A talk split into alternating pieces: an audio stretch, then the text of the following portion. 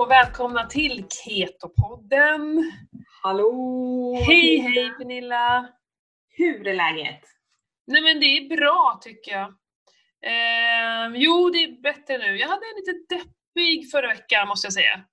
Ja. Eh, ja men, allt bara bokas av.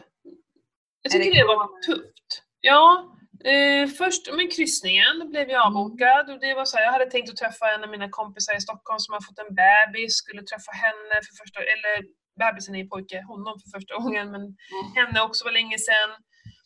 Och så kryssningen, skulle få träffa dig och ja, så blev den avbokad, okej. Och sen så blev eh, Ja men vi skulle på en eh, Tobbe Trollkarl blev avbokat och ett kalas blev avbokat och så nu den här helgen som var så skulle vi egentligen ha en tjejträff. Vi är så här ett härligt gäng från vi var så här 19-20 år som fortfarande försöker träffas och nu var det väldigt länge sedan vi sågs allihopa och den här helgen har planerats ända sedan nyår. Mm. Nej, och sen är det några som jag helt förstår som inte vill åka. Och jag förstår det. Och nu i efterhand när stockholmarna också har fått eh, liksom förbud för att röra sig så var väl det lika bra att vi inte sågs. Mm. Eh, vi skulle till Trosa nämligen. Men jag bara kände när, det var på onsdagen tror jag förra veckan jag fick det beskedet, så jag bara kände mig deppig och bara nej, det är liksom allt roligt bokas av, jag är orolig, jag har två utbildningar inbokade, jag ska ju till dig i maj. Kommer Ja. den att bli av? Nej men det är inget roligt. Men så har jag en fantastisk vän här i Falun. Hon eh, hittade på en surprise åt mig, så i lördags eh, så eh, skulle jag komma hem till henne på morgonen. Ja, Jag skulle bara ha med mig varma kläder och en filt. Jaha, Eh, spännande. ja, och så kom jag hem till henne, så gick jag ut i skogen och så hade vi skogsmeditation där. Jaha. Med tända ljus och jag fick en, eh, en kristall av henne. Heter Ja, men det-? Den, den bilden jag såg, ja just det. Ja, och så bara satt vi där och hon hade med sig te och vi... Ja, det var helt fantastiskt. Det var precis vad jag behövde liksom. För hon märkte att jag var lite deppig sådär.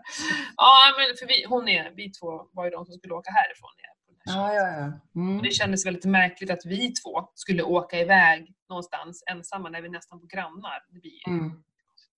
Nej men vi hade en jättefin helg, supermycket tid med barnen. Jag menar, det är ju fan, vi hade massa kompisar, det fullt hus hela helgen eh, med barnens eh, kompisar. då. Så det var en jättetrevlig helg. Så nu känns det bättre. Men vet du vad jag är orolig för?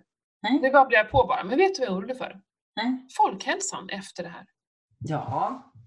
Det är, jag är riktigt orolig. Hur många skilsmässor kommer det bli av det här? ja, det kommer bli många skilsmässor för man, eh, man nöter ju på varandra nu när båda Ja. är hemma. Kan, jag har aldrig sett Anders så här mycket, känns det som. Jag vet inte om du såg mitt inlägg häromdagen? Alltså, Johan jobbar ju hemifrån nu. Han pratar i telefon hela tiden.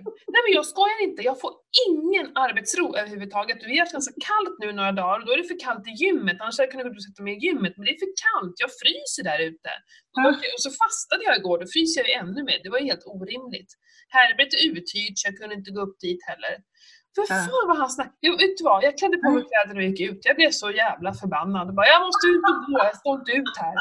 Liksom. Han jobbar ju, vad ska han göra? Det finns liksom ingenstans att gömma sig här. Vi har inte så stort hus.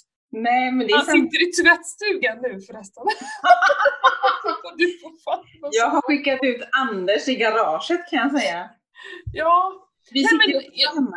ja nej, men jag kan, och tänkte du ha barnen hemma också? I, nej, men fy Fabian, det är, ja jag är lite orolig. Jo men det är samma liksom inne på kontoret där jag sitter nu och poddar. Liksom, där har vi ju köpt en, en bildskärm nu. Liksom. Ha, stänger de skolan så Vincent får sitta uppkopplad via där, ja då lär han sitta här. Ja. Och så sitter jag hemma och jobbar. Jaha, vad ska jag gömma mig? Jaha, i köket. Mm. Och så mannen. Jaha, vad ska han vara? Sovrummet eller vardagsrummet? Mm. Inga dörrar. Så har jag bryggt kaffe för att jag ska få en påtår. Nej, då går han dit och tar den. Så när jag ska fylla på, då är kaffekannan slut. Du vet jag, jag är så van att vara ensam hela dagarna Ja. vet du. Jag har ju mina rutiner och planerat och men nu ska han äta lunch med mig jag vet inte, jo men det är väl trevligt men jag tycker ju också ganska mycket om att vara ensam. Ja, då ska jag göra lunch till han. Fixar du till mig också? Så här, ja, jo absolut. Ja, det... ja, det är det är bita ihop nu. Ja. Jo, men det är ju så. Man, det man tänker det är antingen så kommer det bli väldigt mycket skilsmässor och sen om nio månader så kommer det bli kanske väldigt mycket barn. Ja, just det. Gud vad intressant. Den har inte slagit mig. Vad roligt Pernilla. Ja. Det har jag tänkt på. Åh, oh, skojigt! Skojigt. Ja. Ja, det, nej, men det är roligt. Och det var så kul när jag la det här, upp det här inlägget, för det ja. var ju flera som kommenterade, så att jag tror att det är många som tänker samma sak, men som kanske inte vågar säga, bara, jag bjuder på den. äh, vad jag orkar inte. För jag satt där nere och skrattade. Jag bara, det här är ett skämt. Jag får inget, jag måste ju ha tyst så jag kan jobba. Mm. Jag bara tänker alla som har det här öppna landskapet på kontoren. Hur kan de? Jag skulle inte få någon... Nej, jag, jag fixar inte heller. Jag sätter i kontorslandskap och tycker att det alltså, då ska man ju satsa på dämpning och alltihopa där, men det gör ju oftast inte alla i vårt, på vårt kontor så har, sitter jag i ett rum med en annan en eh, kollega. Mm. Men vi får ju alternera liksom, när vi har mycket telefonmöten. Då får man ju försöka boka in sig på ett konferensrum eller sitta hemma tyvärr. För att man mm. blir störd. Ja. Även om man pratar med små bokstäver och försöker dämpa sig så man blir störd ändå. Nej, det går inte. Nej, det tycker jag också. Jag tycker men... inte om kontorslandskap, men det gör ja. ja, men vi är alla olika såklart. Mm. Eh, hur har din eh, tid varit sedan vi pratade? Jo, men det har varit bra. Det har varit fint väder här nere i Göteborg, så jag har faktiskt cyklat otroligt mycket. Jag har gått ut från, från gymmet och bara varit ute. Mm. Jätteskönt. Mm. Kört sjukt mycket teknikträning, eller mannen har övat med mig och liksom tvingat mig och vi nästan blivit osams, men så har man ändå vågat till slut. Liksom. Så mm. att, eh, jag känner att jag har utvecklats sjukt mycket på att cykla stigcykling nu faktiskt. Mm. Så nu är det riktigt, riktigt roligt. Nu när man kan få upp lite hastighet och få lite flyt i det man cyklar. Liksom. Ja. Faktiskt. Men däremot så tänkte jag faktiskt skulle passa på att promota en sak faktiskt. Om jag får. Ja. På mitt eh, Instagram kom det upp här nu i veckan. Vi spelar ju in och det här släpps ju på fredag så man har ytterligare några dagar kvar på sig att tävla. Så in på mitt Instagram och jag tävlar om träningstvättmedel som heter Reclaim som är superbra. Jag har använt det i många, många, många år. Och det tar bort den här odören. Så jag har lite samarbete med dem just nu. Så det hade varit kul om folk ville vara inne och tävla lite. Är det du som drar vinnaren? Vi gör det tillsammans, jag och Charlotte. Mm. Då kanske inte är någon mening att jag är med då? Klart det är. Det hade varit jäkligt roligt om din poddkompis vann. Nej men klart du ska in och tävla. Absolut, jag behöver fylla på med sånt tvättmedel så att det kan vara på tiden.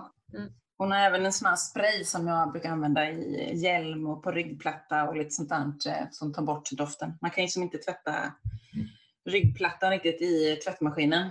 Nej, det är sant. Och då har de en sån här spray som verkligen tar bort.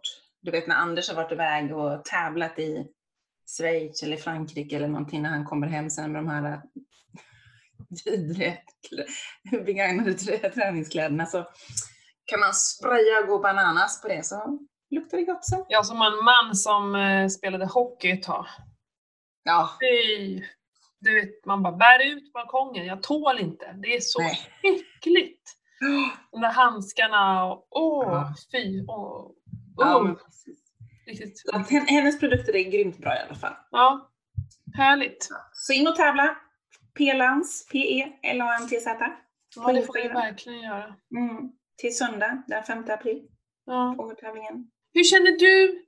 Eh, för jag hade så här snack med min keto-utmaning igår och en kund idag. Och så här, de flesta har svårt att det är så svårt att fokusera nu när det här, ja men allting med covid-19 som bara tar över och vad är det som händer och eh, jag själv också, jag, jag reflekterar inte över det själv att det kanske har med det att göra förrän igår när jag mm. pratade med, med Keto-utmaningen. Att det är så mycket, alltså det är så mentalt påfrestande allt det här som händer.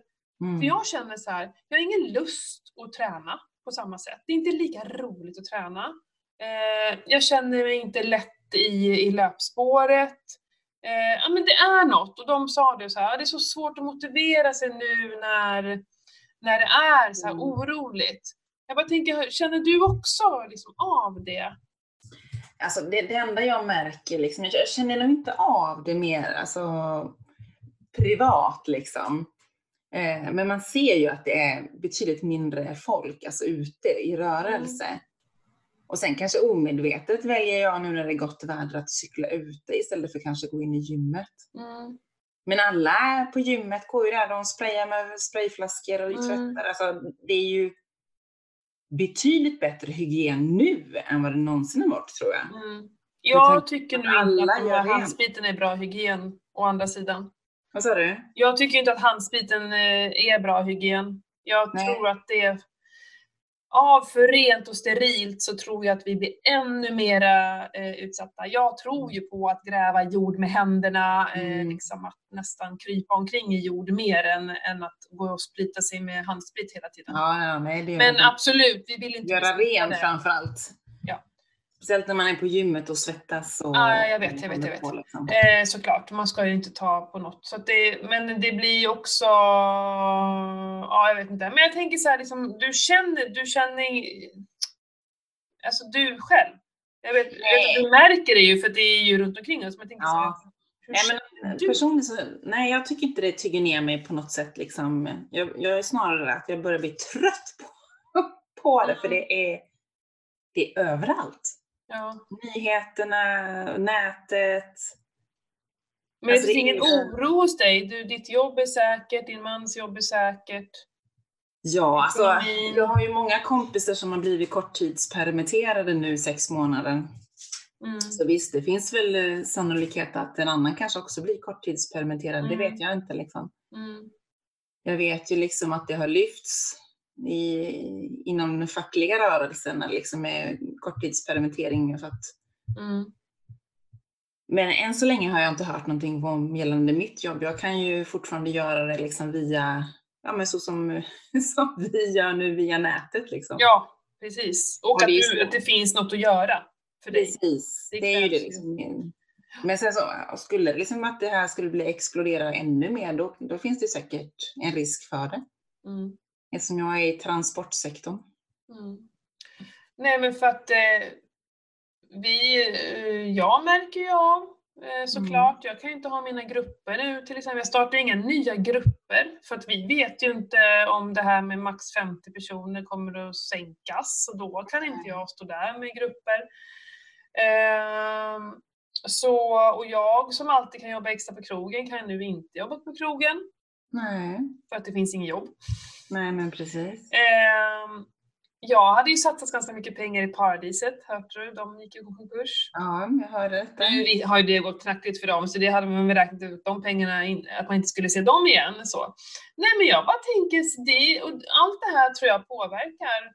Eh, inte liksom så att jag känner av det, men jag har också tappat lite glädjen. Eh, jag hade ett så här styrkeprogram, jag följde det senaste veckan, det har inte jag hållit i så. Nej. Men det jag pratade då med dem om var just att det, jag tror att det är ännu viktigare nu att vi har någonting att fokusera på och Mm. lägga ner kraft, så här, vår hälsa. Lägg nu ner tid, kraft, pengar på att verkligen göra något på riktigt för dig själv.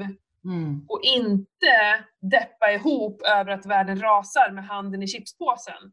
Nej, men precis. tusan vad som kommer hända. Så jag, jag kände igår att jag fick jättemycket pepp av dem, så att nej, det här är så viktigt. Det är så viktigt liksom. Mm. Ehm, så Men idag, vi- idag är det lätta steg i löp- löpspåret. ja, men man behöver träffa likasinnande och liksom så här prata om det och peppas av varandra för att Ja. hålla modet uppe. Ja, men precis. Jag läste ju på Jonas Koltings Instagram och han skrev ju också lite om det här med att deppa ner sig och liksom eh, att gå ner sig. Istället ska man fokusera på sig själv och liksom men träna, fokusera på sig själv liksom och stärka sig själv liksom. Ja, Det ver- hans så viktigt. Jag har ju skaffat nya morgonrutiner. Mhm. Eh, Så nu tar jag mitt kaffe. Jag går Mm. upp på morgonen, brygger kaffe, går på toa, går och hämtar en kopp kaffe och nu går jag ut och dricker min första kopp kaffe. Så jag tar på mig en tjock varm morgonrock och sitter på en så här, tar på mig raggisar och grejer. Och bara sitter och tittar. Tittar på vattnet. Ja. Jag tror mycket på det. Få det här Ja. ljuset och luften. Sen så är min tanke att även köra min morgonmeditation, morgonyoga utomhus. Men Mm. jag är lite varmare än minus tre va? Skulle jag vilja ha tror jag. Skitkallt på nätterna, det är jättefint för dagen. men- Ja, det Eh, var- Det var faktiskt sex minus eh, här i Göteborg i morse. Ja men ni har också kallt på nätterna. Ja, det är jättekallt. Det, man blir lurad utav att eh, solen skiner och det ser så här superhärligt Ja. ut. Och så går man ut och så bara Mm. kallt. Nej men jag tror hitta ännu mera fokus nu och bara Mm. gör massa saker för din egen hälsa. Eh, vi, mitt, jag, försöker överleva såklart. Eh, Jag är inte den som sätter mig på sofflocket och tycker synd om mig själv. Jag har ju startat lite aktiviteter, utomhusaktiviteter i Falun. Eh, Ja. Delvis bootcamp på, på tisdagar för hela familjen. Eh, klockan fem så alla kan vara med, passar alla åldrar. Det är så jäkla roligt. Mm. Och sen så eh, nästa vecka startar jag löpgrupper för tjejer borta vid gruvan. Mm. Så alla ni som eh, lyssnar som eh, känner någon i Falun eller som kanske bor i Falun, hjälp till att um, få ut det här. Jag Ja. vet att folk har svårt att kanske lägga pengar på saker just nu. Men, men om det här skulle bli, visa sig att vi behöver strama åt det här med träffarna ännu mer, bli ännu färre, då kommer ju folk få pengarna tillbaka. Det är inte så att vi behåller pengarna. Nej. Men att jag tror inte heller på att bara sitta in och begränsa oss. För att Nej. vi kommer bli deprimerade. Det är inte Ja. bra. Och sen så säger de väl att man ska röra på sig. Man ska Ja. inte sluta träna liksom utan eh, hålla avstånd, vara ute liksom. Mm. Mm. Nej, verkligen. Det är super, super viktigt. Mm. Så ut och rör på er, ut och träffas och umgås ändå. Alltså ni som är friska, träffa andra friska människor och, och ja, sitt inte bara inne för att det, ja, nej. Undrar om internet kommer rasa. Jag kan säga genom jobbet så eh, har vi utmaningar som alla sitter via, via Skype och telefonmöten nu. Mm.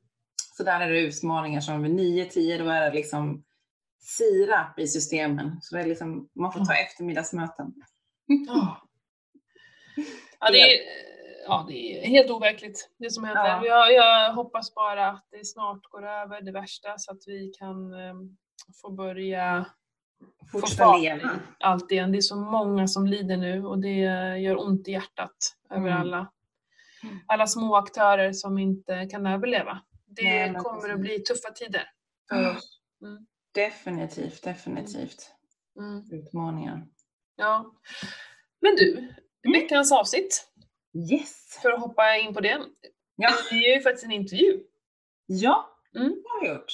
Mm. Michelle Lundell som har eh, skapar, eller skaparen kanske man ska säga, utav eh, Ketonixen. Ja. Så vi fick ju lite frågor ifrån er lyssnare som vi har vidarebefordrat till honom som han eh, besvarar under intervjun kan man väl säga. Precis. Det var ju superintressant. Vi satt ju som två små ljus bara och, och lyssnade. Ehm, och vi har ju båda köpt eh, en varsin. Vi kommer ju också få, vi har ju fått finfina rabatter på, på Ketonixen så att eh, efter eh, intervjun så eh, går vi igenom lite vad han pratar om och sen så har vi några rabatter att dela ut till våra kära Mm. lyssnare. Mm. Så vi har fått hem våra nu. Jag fick har ju bara haft min några dagar. Ehm, men du beställde din på en Ja. gång nu. Du Precis, jag var snabb ute. Jag tänkte att den här ska jag testa. Jag tycker om sånt här. ja. Jag blev så himla inspirerad utav honom så att jag kände att jag var tvungen till att beställa direkt. mm. Mm. Och sen har jag laborerat och blåst och blåst och blåst och blåst och blåst. Mm. Högt och lågt, överallt. Har du eh, dragit några slutsatser, så här, enkla slutsatser bara? Eh, det är mycket teknik i hur du blåser. Mm. Eh, och eh, utandningsketonerna ändrar ju sig beroende liksom under, under dygnets gång, beroende när du har ätit, vad du har tränat. Alltså hela tiden. Eh, Och den är ju, blir ju jättehög efter mat, efter du har ätit någonting och sen efter man har tränat typ eh, en och en halv, två timmar efteråt, där är den ju jättehögt liksom. Och så sjunker det lite kanske, så sticker den upp igen liksom. Så jag, jag håller än så länge på att utveckla eller blåser och testar och lär mig den liksom. Mm. Men jag blåser ju varje morgon eh, och loggar det precis som jag gör med mitt blodsocker. Eh, och det är alltså, dricker du vin så blir det ju lågt. Inte när du väl dricker vinet och du testar att blåsa när du har druckit vin. Då blir det jättehögt.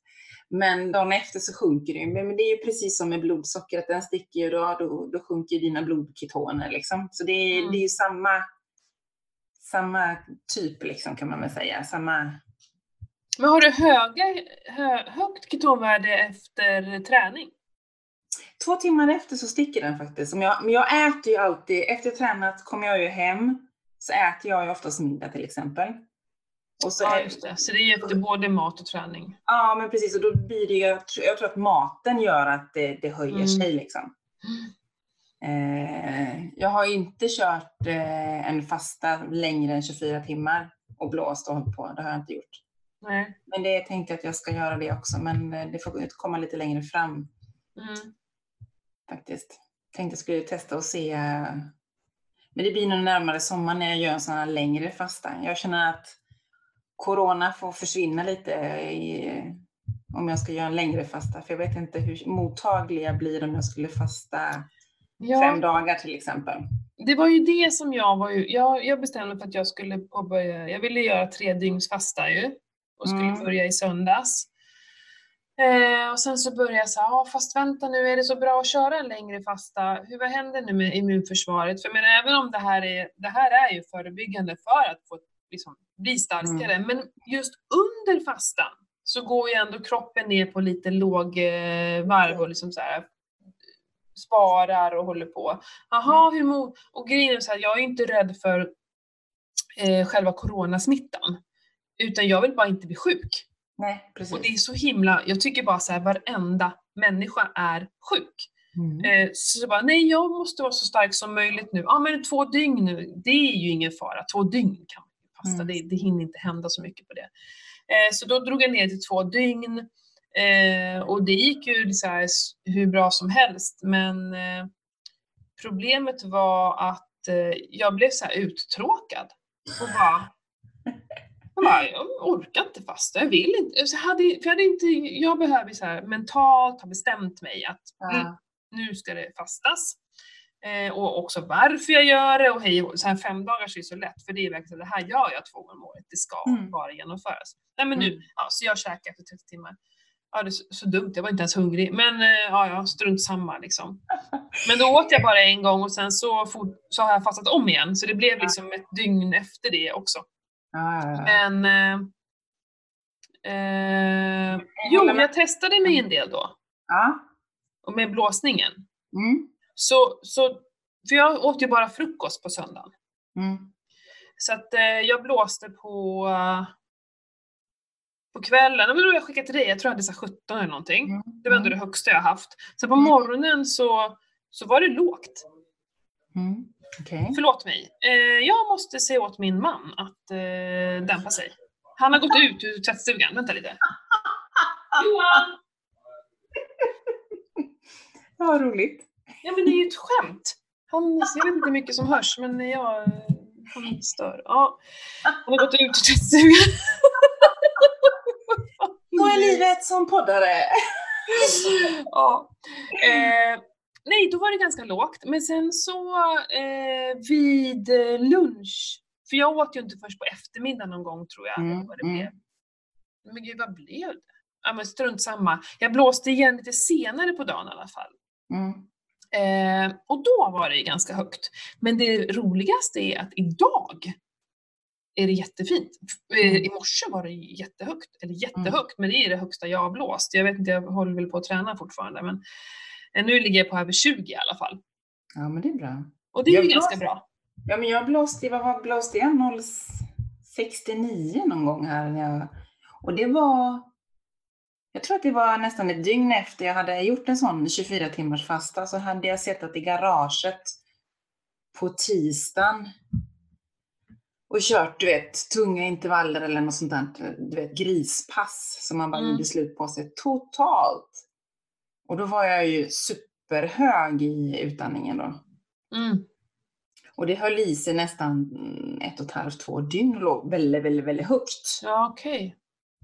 Så att, alltså det, jag tror att det liksom... Ja, först är det ju den här tekniken och sen tror jag att ihop med vad du har ätit, superviktigt, och träningen.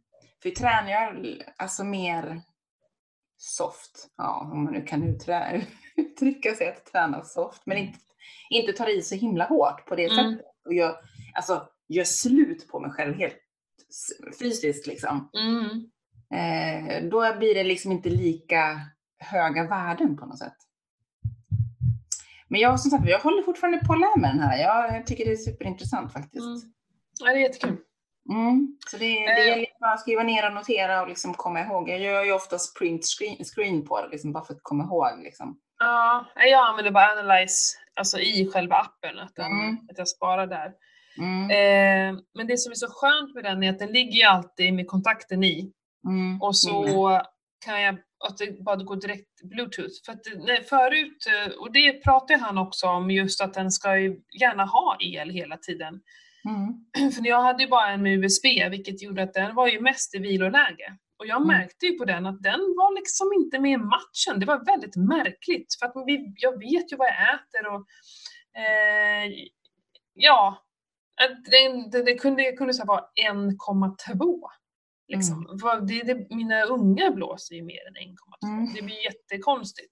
Ja. Eh, Så att jag, jag misstänkte att den inte riktigt mådde bra. Eh, Jag har ju haft den i flera år också. Den har ju legat bortglömd i säkert ett år. Jag, och han sa ju det, att den mår inte bra av det. Den behöver alltid vara påkopplad. Så den är väldigt enkel nu. Den ligger liksom på ett ställe. Ja. Så jag ser det här blåa ljuset och så kan man gå och blåsa lite när som helst. Precis. Ja, det är roligt. Jätteroligt. Jag Mm. tycker om sånt. Mm. nu är inte jag lika duktig som dig som dokumenterar. Men eh, jag gör det ju ändå. Testa. Ja, nu har jag druckit en fett kaffe liksom. Ska jag testa hur det är. Ja. Ja, det är roligt. Mm. Men ska vi lyssna på eh, intervjun då? Så att, eh, Ja. Jag tror att våra lyssnare är supernyfikna nu. Ja, verkligen. Ja, eh, härligt. Hoppas ni tycker att det är lika roligt som oss. Ses sen. Då säger jag hej och välkommen till Ketopodden och denna gång har vi intervju med Michel Lundell ifrån, som är grundare av Ketonix. Mm. Och jag har googlat dig lite Michel och kommit fram till att du är från borde Varberg i alla fall, strax nedanför där jag bor. Ja. Och du är ingenjör och fick i vuxen ålder epilepsi. Jag lyssnade faktiskt på dig eh, i somras när jag var på LCHF-eventen i Säffle. Då var Okej. du där och pratade om Stämmer. ketonixen. Så att, eh, det vi tänkte liksom var lite att du skulle börja och prata eh, lite om utandningsketoner och vad det är som är skillnaden. Tänkte vi börja där liksom. Ja, skillnaden mellan utandningsketoner och eh, blod och urinketoner kanske. Ja. exakt. Ja. ehm, när jag började med det här, eh, jag hade fått epilepsi och ehm, jag hade ätit medicin och så vidare och som inte var bra för mig så ville jag ju hitta en annat, ja, annat sätt att hantera min epilepsi på. Och då hittade jag den här ketogena dieten och min neurolog han gick ju med på att eh, byta då mediciner mot att försöka på den här ketogena dieten. Men jag var tvungen att bevisa då att jag kunde vara i, i ketos då. Så jag mätte ju mycket med blod och urin och, och så här eh, en månad innan jag skulle visa detta för, för, på sjukhuset då kan man säga. Och jag förundrades över hur, eh, hur det kunde skilja så mycket bara liksom mellan blod och urin och sådär. Men det är, ju, det är ju logiskt när man tänker på det för att urin är ju liksom vätska som kommer ifrån kroppen och samlas i en liten i urinblåsan. Då. Mm. Och koncentrationen där är ju väldigt beroende på hur mycket man dricker och om man dricker något som är urindrivande eller, eller vidare. Så, så att eh, det, det kunde man förstå att det skilde ganska mycket. Då. Mm. Men sen tyckte jag inte det stämde riktigt med, med blodketonerna heller. Uh, det var väldigt upp och ner och, och, och, så här, för jag mätte väldigt ofta. Mm. Uh, och uh, ju mer jag tittar på det här, desto mer så insåg jag då att det, det, det är överskott utav ketonenergi. Så att blodketonerna de bildas när, när, när ketosen går ner istället. För att då behöver cellerna inte den här ketonenergin för att de har annan energi som de kan använda istället som är mer prioriterat. Då. Så det var ingen bra mätning heller då om man nu ville ha liksom ut, eller hitta sin livsstil som, som såg till att hjärnan fick ketoner. Då, då vill man ju veta när, när producerar kroppen ketoner?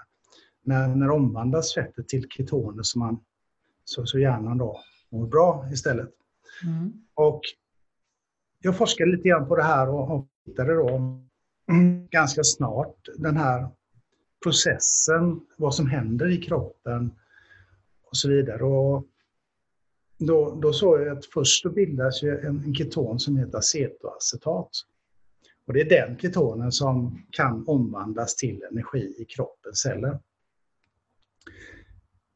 30 procent utav den här acetoacetaten som bildas då eh, faller sönder till aceton.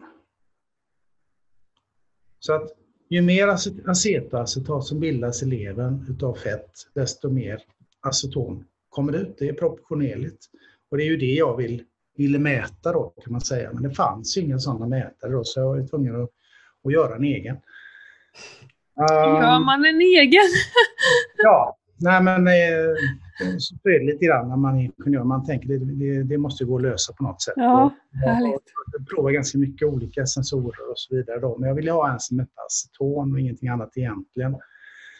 Um, så, så jag lyckades ju då genom att se hur, hur den här eh, mätningarna förändrades.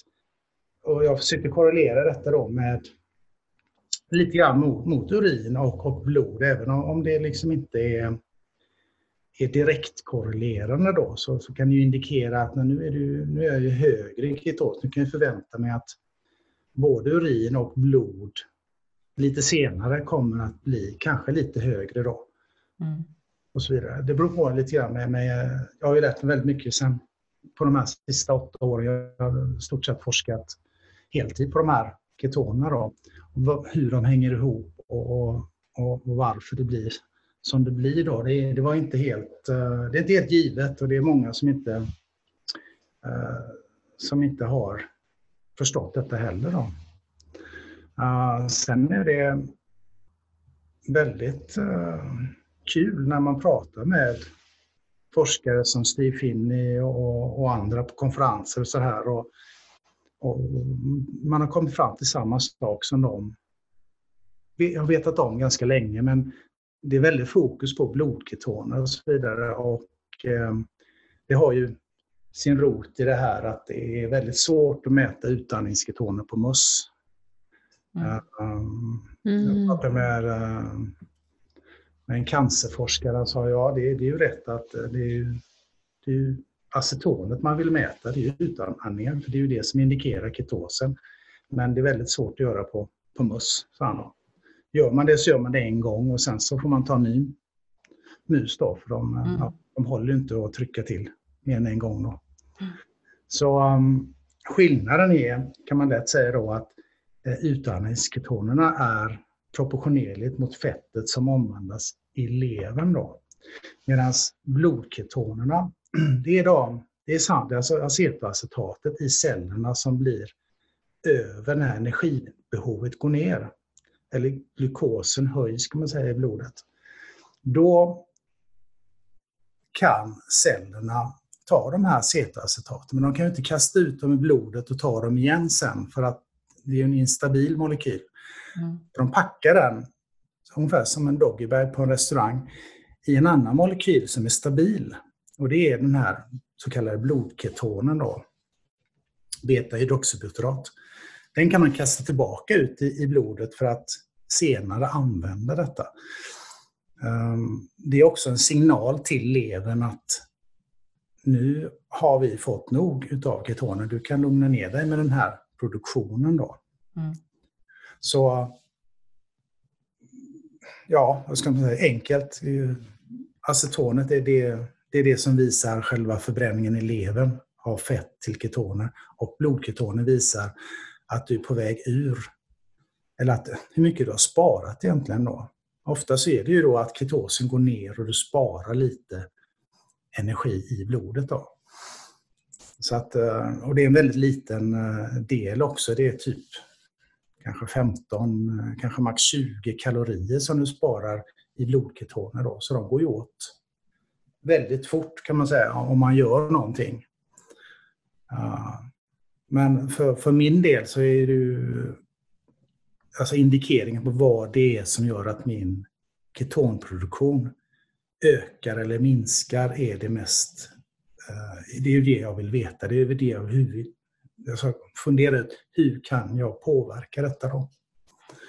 Uh, inte hur kroppen inte kan använda de här blodketonerna. Det är jag inte intresserad av egentligen. Utan det är ketonerna som bildas vid ketosen. Då. Mm, intressant. Uh, ja, så, så blodketoner är ju för Alltså mätningen av blodketoner är ju konstruerat för typ 1-diabetiker för bra länge sedan. Där det inte fanns de här kontinuerliga eh, glukosmätarna. Um, för när glukosen blir hög, då förhindrar det kroppens celler att omvandla blodketoner till energi igen. Så därför ackumuleras de i blodet. Uh, för en vanlig människa, man vill ju inte att, att, att de ska ackumuleras utan användas egentligen. Och det, det händer ju också när man har adapterat sig, när kroppen har vant sig vid en ketogen kost, då kan den både skapa dem och använda dem väldigt enkelt. Då.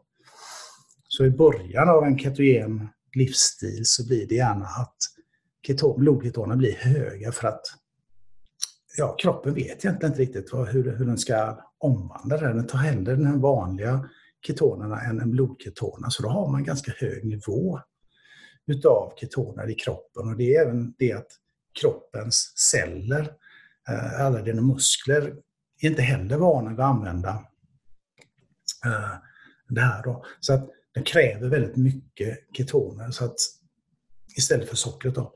Mm. Sen när kroppen har vant sig vid en, en, en ketogen kost, då använder ju eh, muskelcellerna fett direkt. Då omvandlas ju inte fettet i levern till energi i musklerna utan det användes, ah, omvandlas i eh, musklerna direkt från det intramuskulära fettet. Så okay. eh, därför går ju ketonnivåerna ner när man har adapterat sig. Så efter något år eller så, så, så, så kommer ketonnivåerna från levern att sjunka helt enkelt. Mm -hmm. Så, Både blod och utandning pratar du då om kommer sänkas? Uh, och speciellt kanske blod för att då är ju, är cellerna vana vid att använda de här blodketonerna tillbaka till energi igen.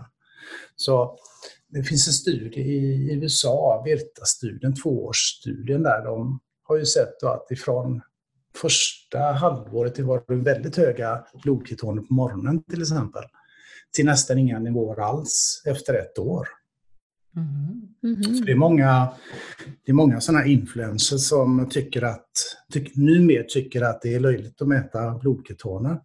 Och om det beror på att de inte leder ligan längre eller, mm. eller de själva inte har så höga nivåer kan det ju bero på just detta att, att eh, behovet av att använda vad ska man säga, sina extra resurser för att skapa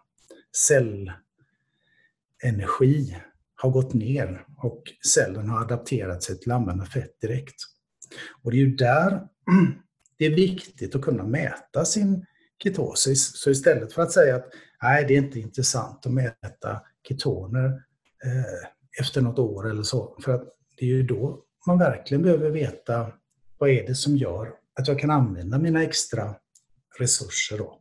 Eller vad är det för mat att bilda mer ketoner och så vidare. Mm. Så jag mm. hoppas jag har förklarat lite grann vad, vad skillnaden på, på utandnings och blod Ja, men superintressant. För det är ju, jag bara tänker, eh, jag har ju testat mest med, med blod, för att jag, vi ska gå igenom sen hur man gör, för jag får ju inte till den där, tycker jag, utandningsproceduren. Mm. Ja. Eh, men när jag fastar under en längre period till exempel, Mm. Så sista dagarna kan jag ha skyhöga blodketoner. Alltså jag har ju varit uppe i 15 en gång till och med. Ja. Och det är väl ett tecken då, det är precis det du säger, att kroppen, eh, den behöver inte, den har liksom, vad ska man säga, jag är i sånt fastande läge så att den eh, kan inte göra, använda allt som den producerar. Alltså den, den, produ den använder ju hellre acetoacetatet direkt än behöver omvandla de här blodketonerna till mm. acetacetat först. Och mm. är du i en längre, gör du en längre fasta så kommer ju ditt blodsocker, det varierar ju ändå. Din kropp producerar ju blodsocker. Så, all, så, det, så naturligtvis kommer ketosen att gå upp och ner.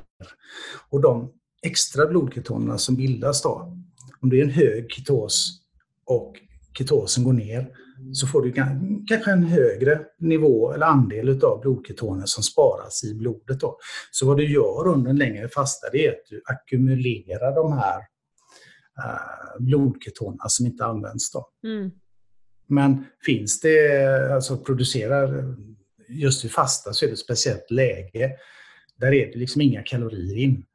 Uh, så då blir det ju en, en, en, en bra ketos kan man säga. Mm.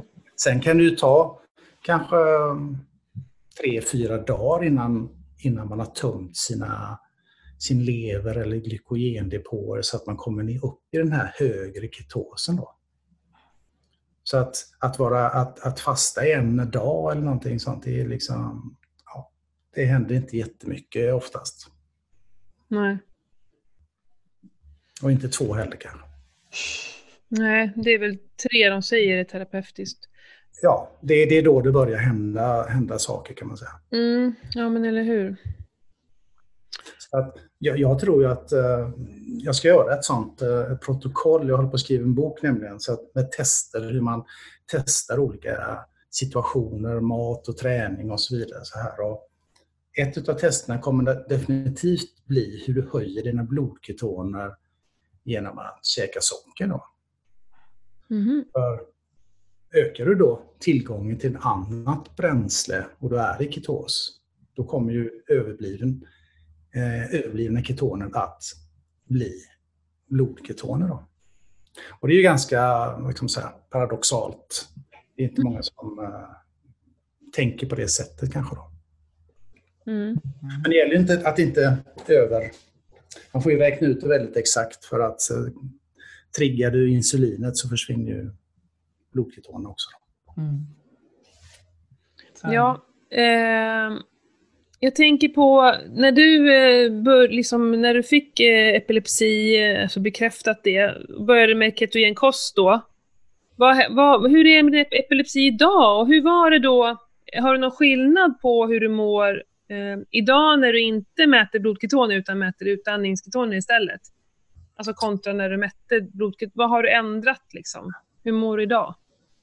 Nej, jag, vad ska man säga, sen när jag fick epilepsi fick jag medicin direkt. Och eh, det höll jag nog på med ett år. Men de dubblar ju den här medicinkoncentrationen, eh, jag vet inte hur många gånger, fem, sex gånger kanske. Mm. Och eh, det påverkar mitt, hur jag var, min personlighet helt enkelt, till det sämre. Och det var ju ingen bra grej. Jag kan säga att jag märkte ganska fort, den första dosen, lägre dosen där, att det, att det hände någonting. Att jag fick tillbaka koncentrationsförmågan eh, och så vidare. Då. Men sen vid högre hände ingenting egentligen. Eh, så sett. Uh, medans nu när jag inte äter någon, någon eller med medicin då, så har jag fortfarande den här högre energinivån, uh, koncentrationsförmågan och så vidare. Den är ju i stort sett konstant från morgonen till man går och lägger sig på kvällen. Mm. Så man mår ju mycket bättre. Mm. Men du Sen, kunde sluta med medicinen när du började eh, äta ketogenkost? Ja, det gjorde vi. Vi fasade ut med medicinen. Jag började äta en ketogenkost innan dess. Um, och um, tog bussen till sjukhuset när jag skulle testa mig för, för att jag kunde vara i ketos då. Det var ju tur. Hade jag cyklat så hade jag kanske cyklat förbi mountainbike-slingan och då hade jag inte haft några ketoner när jag kom till sjukhuset. Nej. Jag har fortfarande varit på medicin. Då. Mm. Ja, det är superintressant. Ja, men Pernilla, ska du ta några av frågorna som vi har skrivit ner? Mm. Så vi får med eh, allt.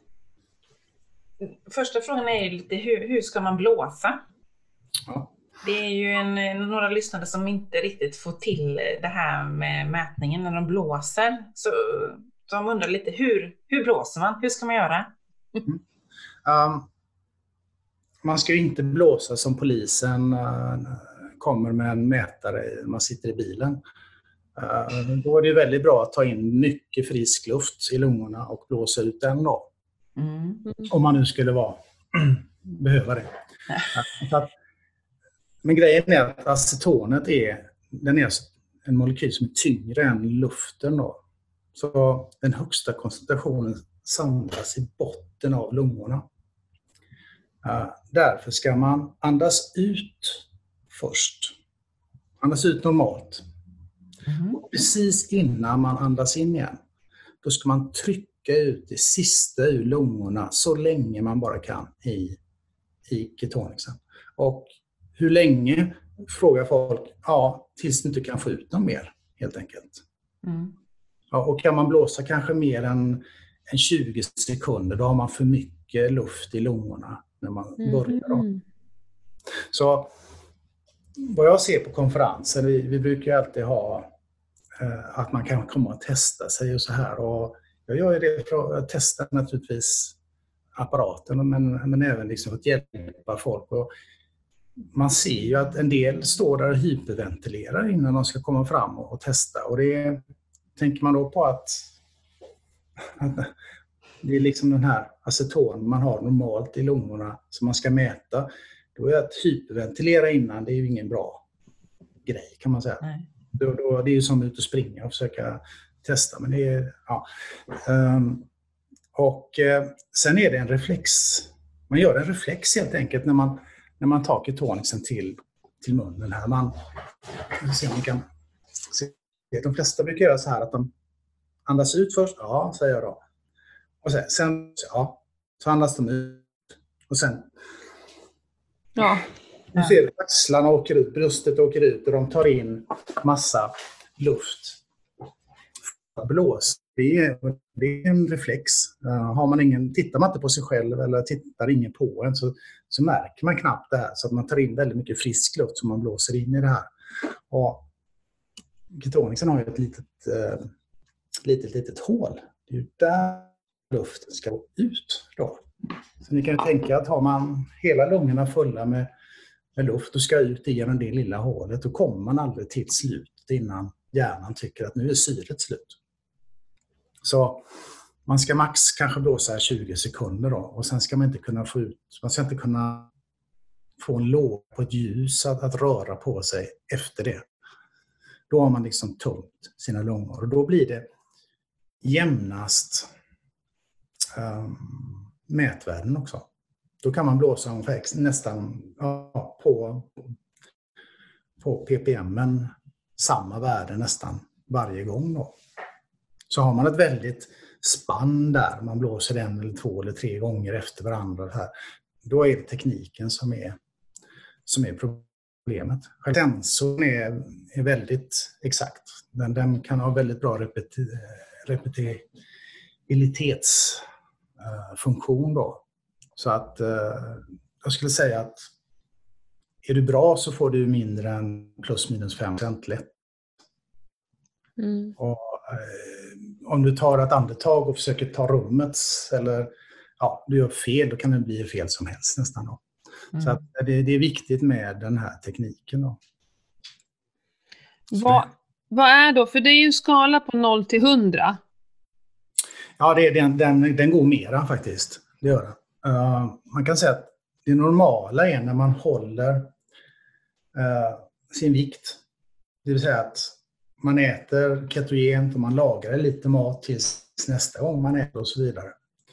Då, då använder kroppen insulin för att lagra det här naturligtvis. Och då, det tar ju ner ketosen. Därför är det den första delen, kan man säga, på en, en utandningsskala då. Ungefär från 4 upp till 30 ppm ungefär. Där ligger de flesta. Och det vill säga att på morgonen innan man har gjort någonting, då kanske man ligger lägre nivå. Typ 5-10. Någonstans där.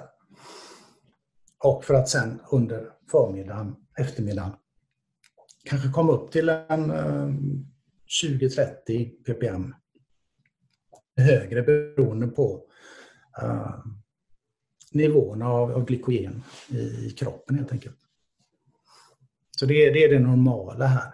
Fastar man och tränar, då kan man komma upp i den här terapeutiska nivån. Mm. Ganska lätt. Uh, så, och det är ju där man, man, man, man ska befinna sig om man kanske vill, vill uh, förlora vikt till exempel. Uh, använda mer av sin kroppsmassa själv att, att tillverka ketoner. Då är det liksom i den terapeutiska zonen man ska befinna sig för då är man i en hög ketos. Då. Mm. Uh, är det bara för hälsan att man ska se att hjärnan får, får ketoner om man använder hyfsat lite med kolhydrater så, så är det den här gröna, den optimala ketosen kan man säga. Då. Och när, när ska man mäta på dygnet liksom för att få det bästa? Det är liksom... Det beror ju på vad man vill naturligtvis. Mm.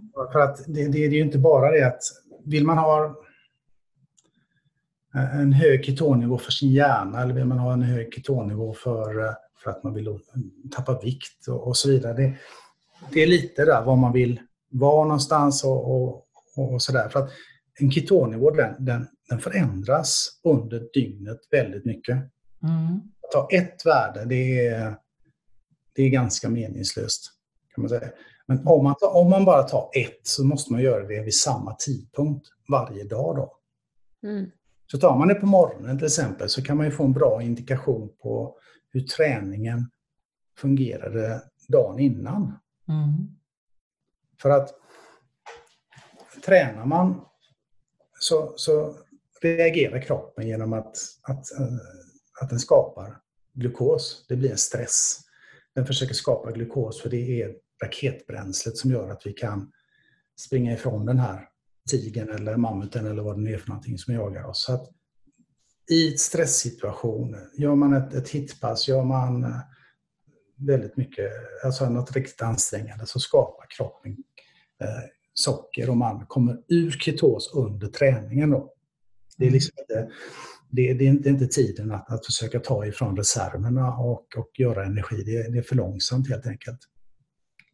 Så ketosen man tar ifrån sina glykogendepåer, man, man säger till eh, kroppen släpp på all energi och, och den, den, den, gör socker under tiden. Så ett vanligt träningspass på en timme, då kommer man liksom inte in i, glukos eller i, i, ketos under den tiden, utan då, då produceras mest socker och ketosen går ner. Cirka en timme efter, då kan man börja mäta och se att att, att, att ketosen börjar stiga. Då. Och har man då lyckats tömma sina glykogendepåer så kan den sitta i kanske upp i 20 timmar, en hög ketos. Då händer själva fettförbränningen. Det är då kroppen hämtar energi från, från depåerna. Mm. Under träningen, om man kör i en fettbrännings eh, nivå, då tar den fettet ifrån det intramuskulära fettet, det som lagras i musklerna istället. Och det blir inga ketoner, det används direkt utav cellerna. Mm. Så vill man bränna extra resurser, då gäller det att bränna sockret under träningen så hårt som möjligt. Och det, jag forskar ju det och det jag ser hittills det mest effektiva är ju HIT-träning. Där, där kan man verkligen mjölka ur sockret ur glykogenet i musklerna.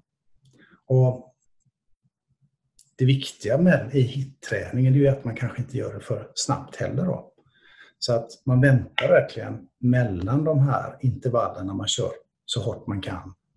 Kanske ett par minuter. Det varierar säkert mellan individer hur snabbt dina glykogenresurser kan komma in i cellerna igen för att brännas. Mm. Men typ en, kanske en två, två tre minuter eh, emellan varje sån um, period med hög eller intensiv träning då gör att man tömmer depåerna mycket mer effektivt. Mm. Finns det också någon eh, tanke på hur länge? För det har ju kommit jättemycket nu på senaste att man inte behöver träna särskilt länge. Att det räcker med, ja, nu kommer jag inte ihåg vad det visar, men att det skulle räcka med 15 minuters träning bara. Är det något du har någon åsikt om? Ja, um, jag säger ju längre desto bättre naturligtvis, men man kan säkert hitta, se en effekt på 15 minuters intensiv träning. Um, om man tittar på totala längden av en träning uh, och, och, och man, om man kör 15 minuter intensiv träning så ska man ju ha tre minuter kanske emellan varje 30 sekunder. Det blir ju en ganska lång tid. Mm. Om man vecklar ut den här. Så, så träna 15 minuter intensivt per dag, ja definitivt. Men bara träna totalt 15 minuter och ta kanske 10, 10 intensiva rush i de 15 minuterna kanske inte är lika effektivt. Okay. Förstår ni vad jag menar? Ja. Att, att, att, uh, under 15 minuter eller 20 minuter kanske man har en, en, fem minuter som är intensiv träning om man kör en hitpass. Då. Mm. Men uh, får man ihop 15 minuter intensiv träning, då har man säkert en bra, ett respons man kan, man kan se skillnad på. Absolut. Ja, men intressant. Det är sällan jag i alla fall vilar sådär länge emellan om jag kör intervaller. Det är ju egentligen bara när jag kör styrketräning, alltså riktigt tungt, som jag vilar länge. Det gör jag inte annars. Gör du det Pernilla? Nej, jag satt och tänkte på alla mina intervaller som jag sitter på träningscykeln, så då är det ju typ en gånger en minut. Ja. En, en minut superhårt, en minut vila och så kör man igen typ i tio repetitioner. Mm. Då skulle det behövas två, tre minuter mellan varje minut eller då? Mm. Ja, alltså, det bästa är om man testar sig och det, och det för något annat sätt vet man egentligen inte. Man kan ju gissa, men mm. uh, jag skulle nog säga att, att, uh, att det är mer effektivt. Det kan vara mer effektivare att, att förändra de här intervallen så att de passar sig själv. Mm. Kan ju, jag har ju liksom 30 sekunder och det orkar jag knappt hålla. Så tungt ska det ju vara. Så man, man kan inte hålla den här kadensen på en träningscykel till exempel. Eh, så att man ska hålla 120 eller någonting sånt där. Mm. Och, och, det ska ju vara på gränsen, att man håller 120 under 30 sekunder. Mm. får man ju lägga på mer, mer, mer belastning då. Mm. Det här blir vår utmaning Pernilla, vi måste vi testa, eller hur? Ja, jag har ju träningscykeln med kadens och motstånd och alltihopa i garaget. Mm. Ja, precis. Nej, men det, är, det, det är ett jätteintressant uh, test att göra. Uh, och man måste, man måste veta då vad som händer i kroppen när man gör sådana tester. Då, att under tiden man, man tränar så är det ju meningslöst att mäta sina ketoner för de går ju åt som energi. Ja, ja, ja. Uh, och kroppen producerar dessutom glukos. Då. Det kan man också mäta om man har en glukosmätare. Då. Man, ser, man kommer ju se att, att glukosen går upp efter träningen. Det går inte ner. Nej, precis. Men då kan man ju mäta innan träning till exempel. Och sen innan träning är bra. Ja. timme efter träning. Sen kan man börja mäta en timme efter träning. Mm. Eh, och sen kan man mäta kanske i halvtimmesintervall om man, eh, om man tycker det är roligt. Eh, man kan mäta en timmes intervall eller om man nu gör det på kvällen så kan man ju mäta på morgonen som sagt var. För då håller kroppen fortfarande på att, att fylla på sina depåer. Och då, då, då märker man det. Så att morgonmätning är liksom en... Det är inte den högsta nivån på dagen oftast utan det är ju det är ju mer den lägsta nivån på grund av att kroppen väcker dig på morgonen. Den producerar både kortisol och glukos på morgonen för att väcka dig. Då. Så mm. glukosen går ju ner på morgonen trots att man inte ätit på, på tio timmar eller någonting. Eh, det är också en vanlig fråga jag får. Jag är ju högst ketos på morgonen. Nej, du är inte högst ketos på morgonen. Eh, för kroppen producerar eh, socker för att väcka dig.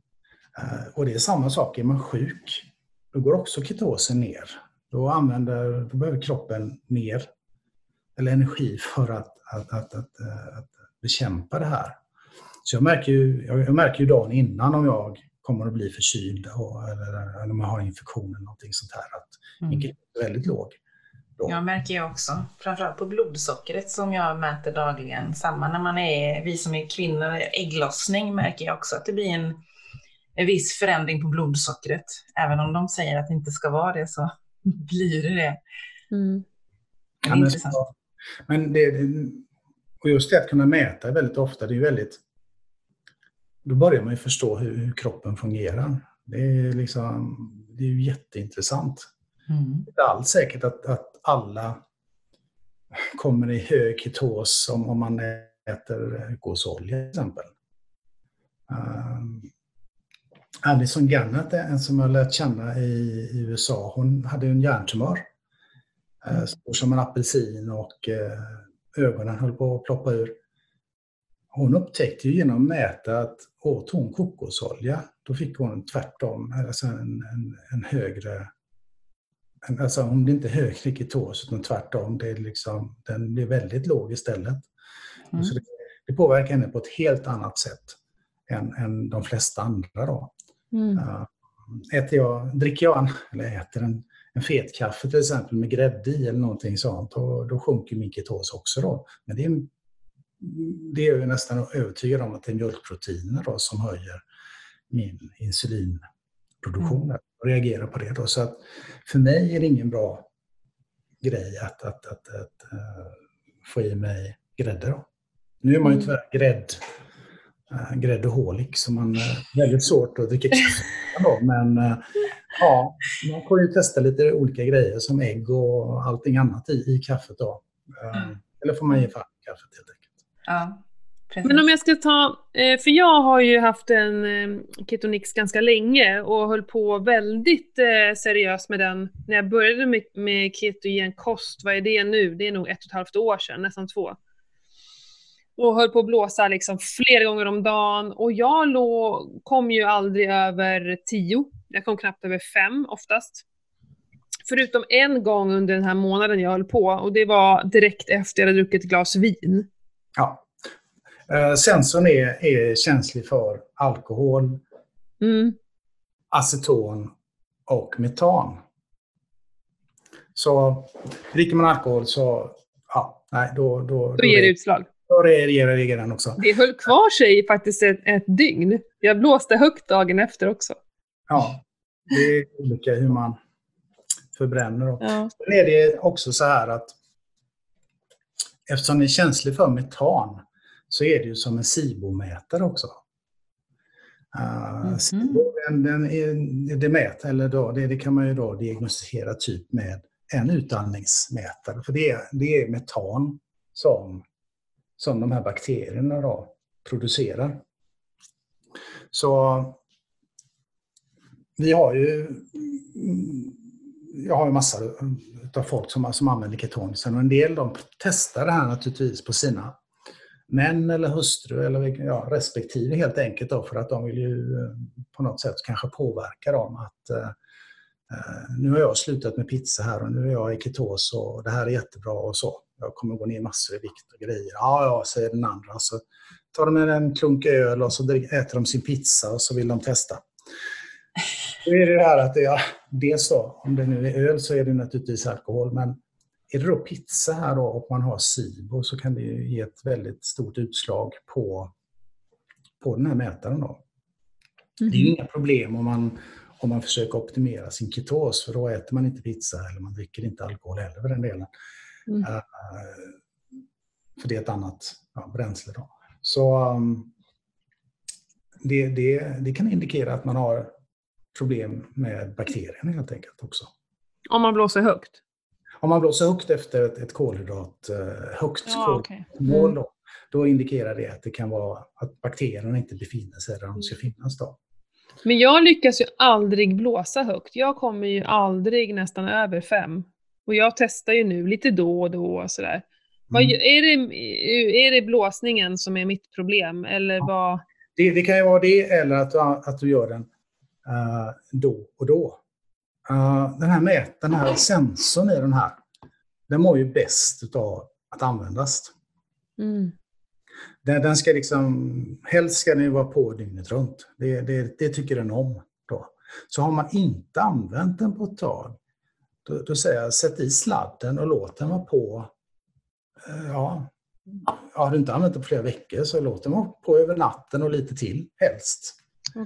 I- innan man använder den. Då. För att annars blir det, ett, det, det kan bli ett dåligt resultat om man inte använder den. Då. Så innan vi skickar ut de här så har vi dem på i kanske ja, lite över en vecka.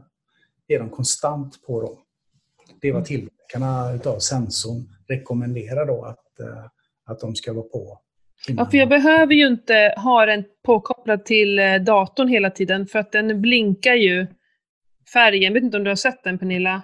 Nej, jag har ingen Den här lampan, eller det är en liten, ja, det är en liten lampa, den är ju blå nu, men sen så om jag blåser och eh, ja, men om jag hamnar i optimal ketos som det kallas för, då blinkar den här grönt.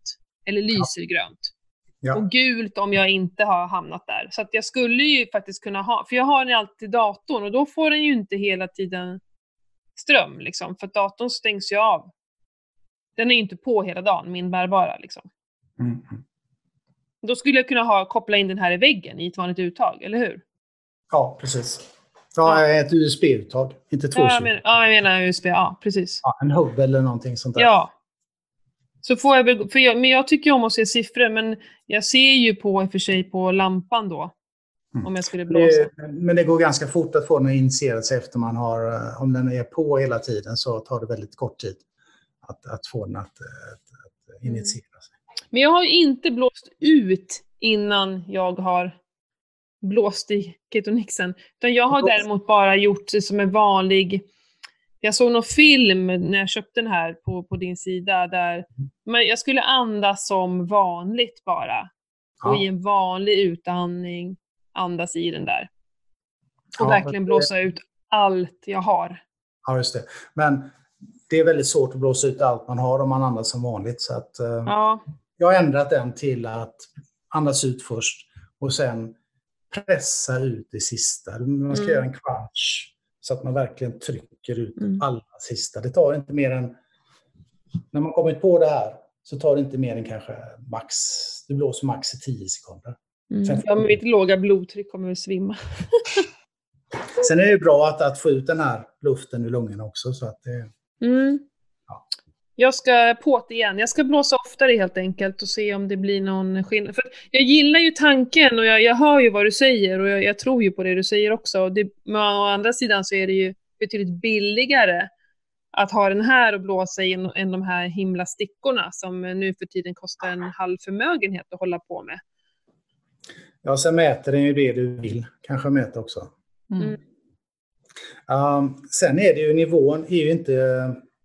den- Den är ju... Alltså, det viktiga är ju egentligen att se trenden på det här.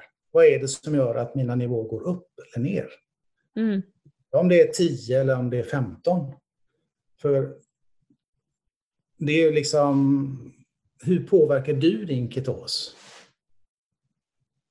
Att du, Mm. är, att, du, att du har ett värde som är, som är 10 eller 15, det kanske inte spelar någon jätteroll egentligen. Men kan du, vet du hur du kan öka din ketos eller behålla din ketos? Det är en mycket bättre kunskap. Mm. Och det är sånt vi gillar att hålla på med.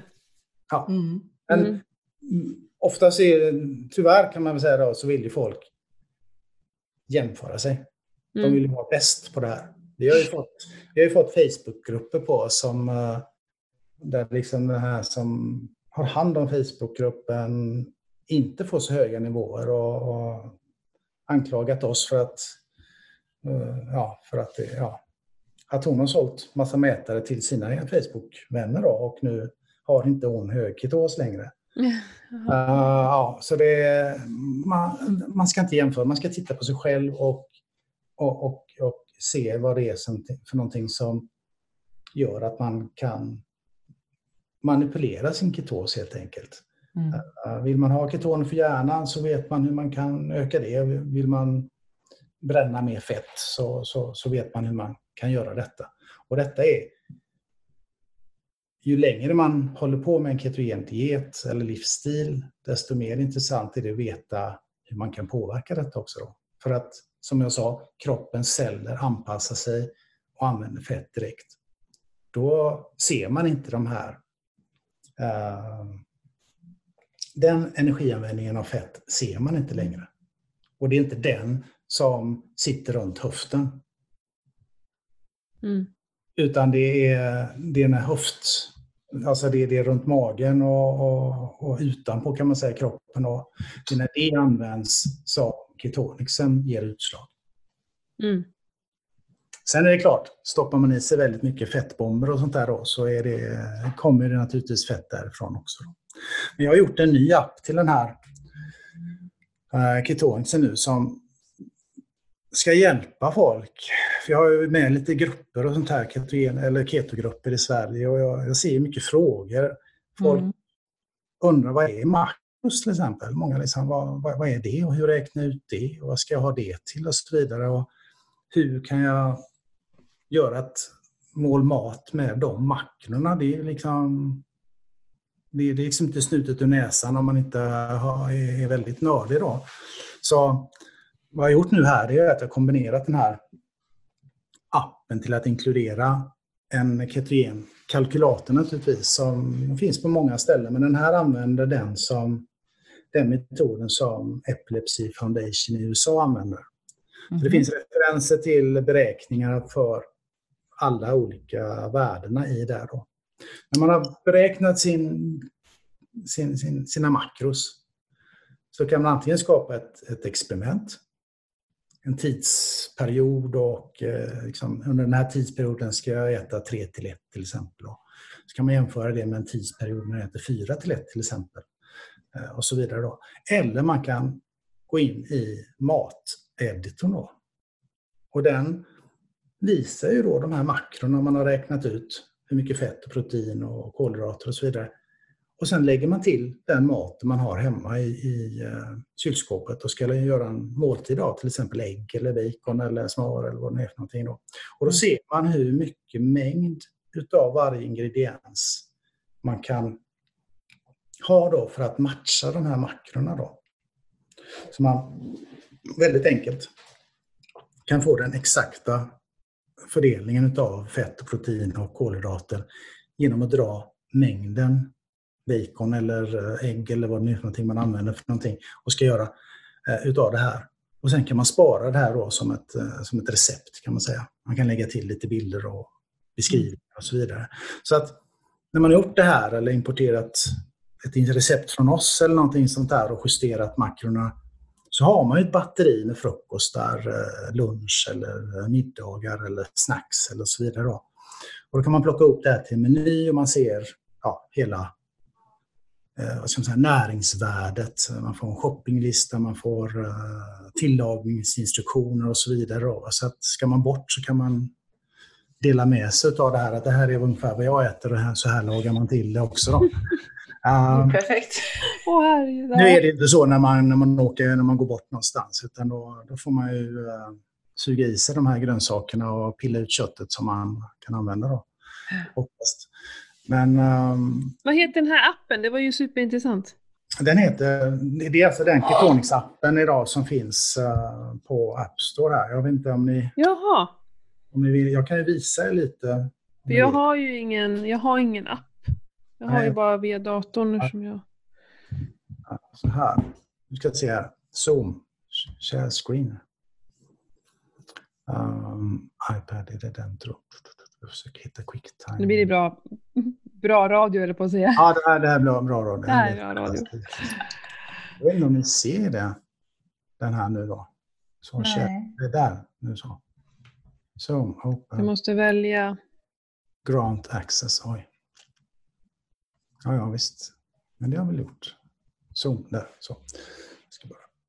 Men det här är ju någonting för oss och uh, Pernilla, det här kan ju vi ta i, hä- hämta hem appen och utvärdera lite och Mm. prata lite om sen. Det kan ju bli en av våra uppgifter, tänker jag, som vi Mm. kan dela med oss av till lyssnarna. Det är ju, super, det lät ju superintressant, men jag tror inte jag kan skicka det till mina vänner när jag ska på middag.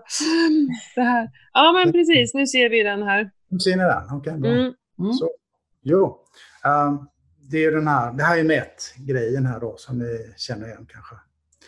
Eh, men det är den här då, det är att uppe i hörnet där ser ni keto-kalkylatorn då där man fyller i kö, Ja, vikt och längd och det. Mm. hur aktiv man är och så vidare. Hur Ja, många måltider per dag man, Man äter. man brukar äta då. mm. Eh, vi kan ta ett bara för, inte minus ett, men ett. Så här. Och då ser ni de här beräkningen som är gjord då, hur mycket fett och protein och kolhydrater och energi jag ska ha. Mm. ja. Och, Och då väljer du också om du vill alltså vara stabil i vikten eller om du vill gå ner eller gå upp. Eller? Ja, det ska visa vad, vad det kommer Ja, in. okej. Mm. Eh, här är då beräkningen som ni ser här. Då. De beräknar eh, ja, bland annat BMI, men eh, energinivåer, eh, proteinbehov, Mhm. vätskebehov och sen räknar den ut de här makrorna. då. Så att det, det kan man se hur det är gjort. Eh, och det finns referenser till alla de här grejerna hur det är uträknat. Mm. Eh, under den här makron ser ni plus experiment eller plus mil då, på engelska. Där kan jag då trycka på skapa måltid. Då. Och ni ser Okej. de här gråa staplarna där för Mm. fett, protein och. Det är vad jag har räknat ut. Då. Så om jag lägger till då till exempel ja, favorit, bacon. Sådär. Nu ser ni att jag rör den här mängden bacon här nere. Mm. Vi ser på staplarna där uppe hur de rör sig. Det här är ju precis det som man gör på Livesum till exempel, att man går in och lägger in en måltid Ja, precis. och så räknar den ut det. Så här då kan jag matcha upp till jag ser att ja, nu har jag proteinet. Mm. Det är ju det viktigaste, det är det man får börja med. Sen Mm. kan man då lägga till andra saker för eh, kolhydrater och fett. Eh, Till exempel eh, om vi nu ska få fettgrejen här då. Jag lägger till lite butter här. Och det blir för mycket här då. Så då får vi dra ner här lite grann. Och baconet är för fett, fett där. Ja. Mer än 100 så. Så nu har jag matchat då fett och proteinet här då. de Mm. två olika grejerna. Då. Det blir alltså bacon med smörsås idag. Ja. Eh, Så jag kan då växla mellan bacon och smör. För det man gör, gör ofta är att man äter ju först och sen räknar man ut hur det blev. Det är ju Ja. sällan jag innan räknar hur mycket bacon ska jag äta. Ja, så, för det är ju ganska smart med den här nu. Ja, att du kan ju verkligen. först välja liksom råvaran och sen så här, okej, vänta nu, om jag vill äta hälften av mitt fett nu, hur mycket blir det då? Så här ser ni då när ketogena förhållandet då är 4,0 till 1. Det är ju hyfsat bra. Det Mm. gör ju att du kommer få mycket ket- ketoner. Men du kommer ju få dem ifrån fettet du äter. Eller hur? Det är ju 255 gram fett. Det är ganska mycket. Men vad vill man att ration ska stå på? Ja, titta här då. Um, vill ni ha ketoner så är det jätte, jättebra då. Men PE-förhållandet då, protein till energiförhållandet. Det säger ju mycket mer då om man vill till exempel använda kroppsfettet istället. Den är ju den är ju 0,2 här. Mm. Den bör ligga på runt 1,2 om man ska gå ner i vikt. Då. Och då får vi ta ner, om ni, nu ser ni, drar jag ner det här smöret här då till ingen gram alls. så då är den förhållandet uppe i 0,4 helt plötsligt. Mm. Jag lägger till lite, eh, nej, inte uh, jag lägger till lite, um, gör så här, jag lägger till kyckling istället då. Chicken. Så. Rå kyckling här då. Och när jag ökar den här så ser ni att bara rå kyckling rätt upp och ner, det är ju en, en protein-energi-ratio på alltså förhållande till 6,9 mm. till 1. Det är väldigt hög eh, protein jämfört med energi då. Så här kan jag ju istället då ta rå kyckling istället och se hur mycket jag ska ha där då. Ja, ungefär 280 gram. Men då är det inte så mycket fett då, man säger. Så det kan man lägga till om man vill få upp det, för det är lite det är lite tjostigt att bara äta kyckling. Du får steka det någonting. Så nu ser ni här att ju mer fett jag lägger till desto lägre blir proteinförhållandet. Proteinfett. Mm. Ja, just det. Så att drar jag ner den då till, sätta på 1,2 där gränsen är ungefär för att man ska använda sitt eget fett istället för det man äter. Då har jag ändå en, en 50 eh, gram fett som man kan steka med kyckling. Mm. Så här gäller det att, att man hittar då, för det är ju motsatserna till varandra kan man säga då, använda sitt eget fett eller lägga fett i maten då. Så fettbomber är kanske inte grejen när man ska gå ner i vikt. Nej. Det är mer kyckling och broccoli ungefär som man, man, man får hålla sig till. Och detta är inget konstigt. Alla bodybuilders eller ja, vet ju om detta. Det är ju vad de lever på när de ska deffa. Uh, de vill ha proteinet, det är det viktiga. Och sen så reglerar man hur mycket man förlorar med andelen fett istället. Ja, men problemet här blir ju att nu i så fall, om du bara skulle äta det här för att behålla den ration, så är det ju äter du bara 700, nästan 700 kalorier på en hel dag. Det är ju inte... Nej, det, det här är ju de minsta proteinerna som min kropp behöver. Då. Mm. Så här, det, här, det, det, det vore inte konstigt om man gick ner på detta eftersom det går åt en väldig massa energi som, som du får ta ifrån ditt eget fett. Då. Mm. Det många säger här det är ju uh, att gå tillbaka till kycklingen här och uh, lägg till mer mer kyckling och mer fett då, tills du får upp energinivån eh, kanske till 30% mindre om du vill förlora vikt. Mm. Det här är ingen, det är ingen hög ketorage här, men kroppen är ju inte dem. Det är fettet den inte får i munnen, det tar den från kroppen istället. Mm. Det kan man då laborera lite grann med hur man gör detta då. Och sen kan man då lägga till ja, sitt namn och så vidare, instruktioner och så vidare. Och till slut har man då en, ett antal sådana här som ni ser här. Eh, det är två olika frukost, en hotellfrukost och en omelett som jag gör. Men finns det i appen förklaringar till det här med alla ratior och sånt där, så att man förstår sig på det? Ja, just det. Det finns det. Ja, bra. Eh, Men det är alltid på engelska? Nej, det ska på svenska också och spanska och tyska okay. och franska också. Uh, så här kan man då har jag då lagt in för att hjälpa folk. Vad äter man när man käkar keto egentligen? Då?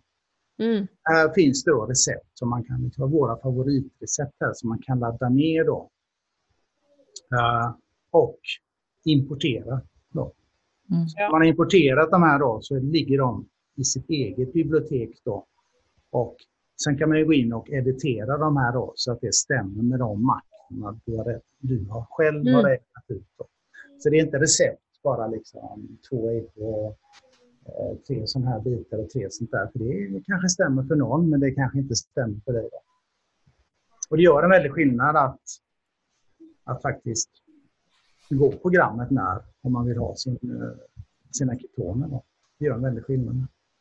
Och sen kan man sätta ihop det här naturligtvis till en, eh, en meny då, om man vill. Och då får man ju det här som jag sa, man får själva menyn grejen som man kan printa ut ett skojskull. Det man kan dela med sig av. Ja. Eller du kan dela ut, eh, skriva ut instruktionerna till kocken.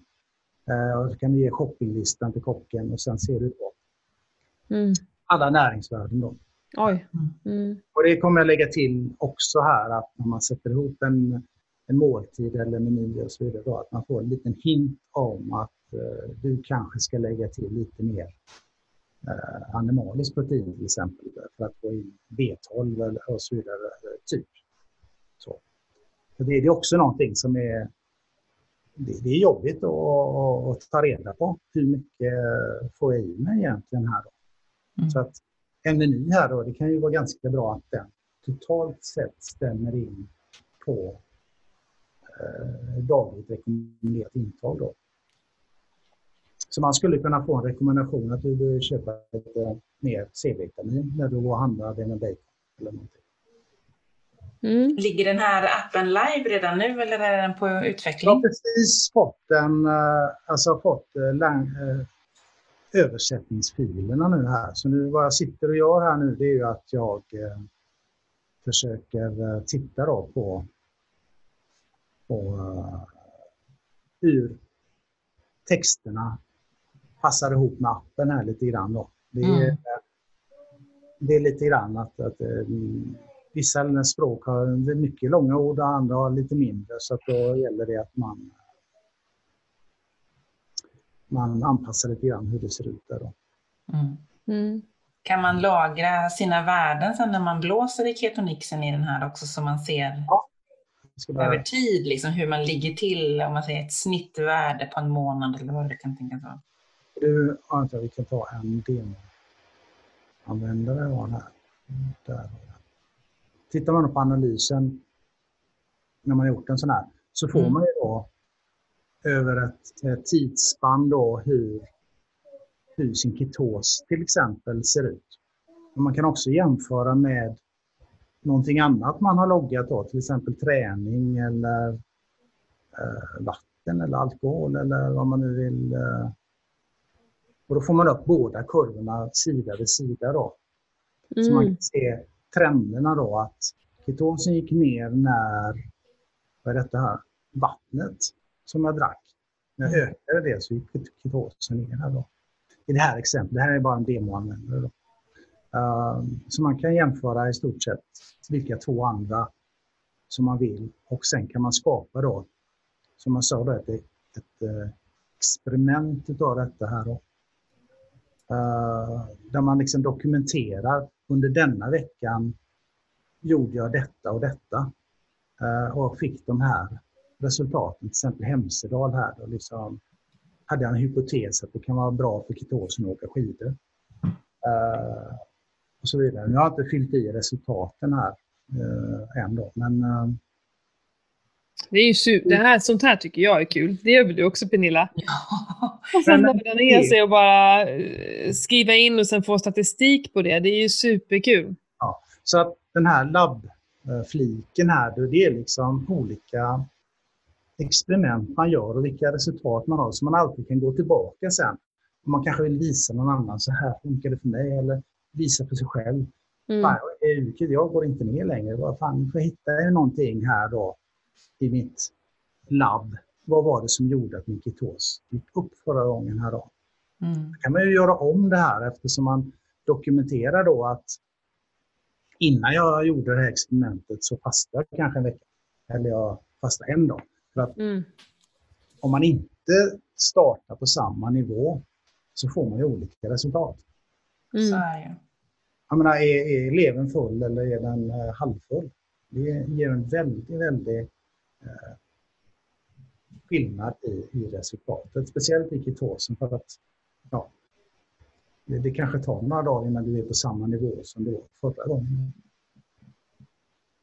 Mm. Ja, så är det. Så jag försöker göra det lättare här för, för, för användaren och helt enkelt att Ja, men, alltså, men visst kan vi ta hem den här och påbörja? Även om du sitter och inte är klar, eller? Jag kan skicka er en, eh, en inbjudan till, eh, till en, eh, en betaversion för testning. Det kan jag. Ja. När Mm. tror du att den här kommer komma ut då? Ja, jag skulle vilja att, att den var det innan jul. Så att, eh, men eh, nu är den hyfsat klar. Det är lite språkgrejer kvar bara här. Så att, Mm. Jag kan nog släppa betatester till det. Kul! Ja, det tar vi gärna emot. Ja. Ja men det här känns ju, jag känner mig inspirerad på att verkligen ta tag i det här och, och träna på min blåsning känner jag. Eh, och att jag ska göra det flera gånger om dagen och inte bara någon gång ibland. Så hoppas jag att jag kommer få bättre resultat helt enkelt. Men testa då Mm. till att börja med innan du gör någonting på morgonen. Innan du tränar, innan du äter, innan du ja, överhuvudtaget. Drick ett glas vatten och så sen testar du det. Mm. Sen testar du det innan lunch, eh, innan du går på träningen på eftermiddagen eller kvällen. Uh, till att börja med då. Ja. För att hur, vad som händer i kroppen när man äter, när man tränar. eh, eller när man är sjuk eller på morgonen eller på kvällen. Det är lite det är mer avancerat kan man säga. Mm. Jag förstår. Ja, superbra. Men visst har vi fått svar på alla frågor, Pernilla? Ja. Ja. Jag tycker jag har bockat av här en efter en medan du har pratat. Ja. ja. Men då tycker jag att vi tackar Michelle supermycket för att du kom hit. Det var väldigt intressant. Eh, faktiskt över förväntan. Jag har suttit som klistrad och bara lyssnat. Jättekul! Tack snälla du. Jättekul att få vara med. Det är, eh, det är jätteroligt att, att få berätta lite grann, kanske för en större publik, vad som kanske händer i kroppen också när man, när man äter just ketoner och vad man kan få ut av det här. Mm. Så, um, jag hoppas jag får ut min bok ganska, ja, till sommaren i alla fall också. Ja, Om just hur man testar ketoner. Den ser vi fram emot.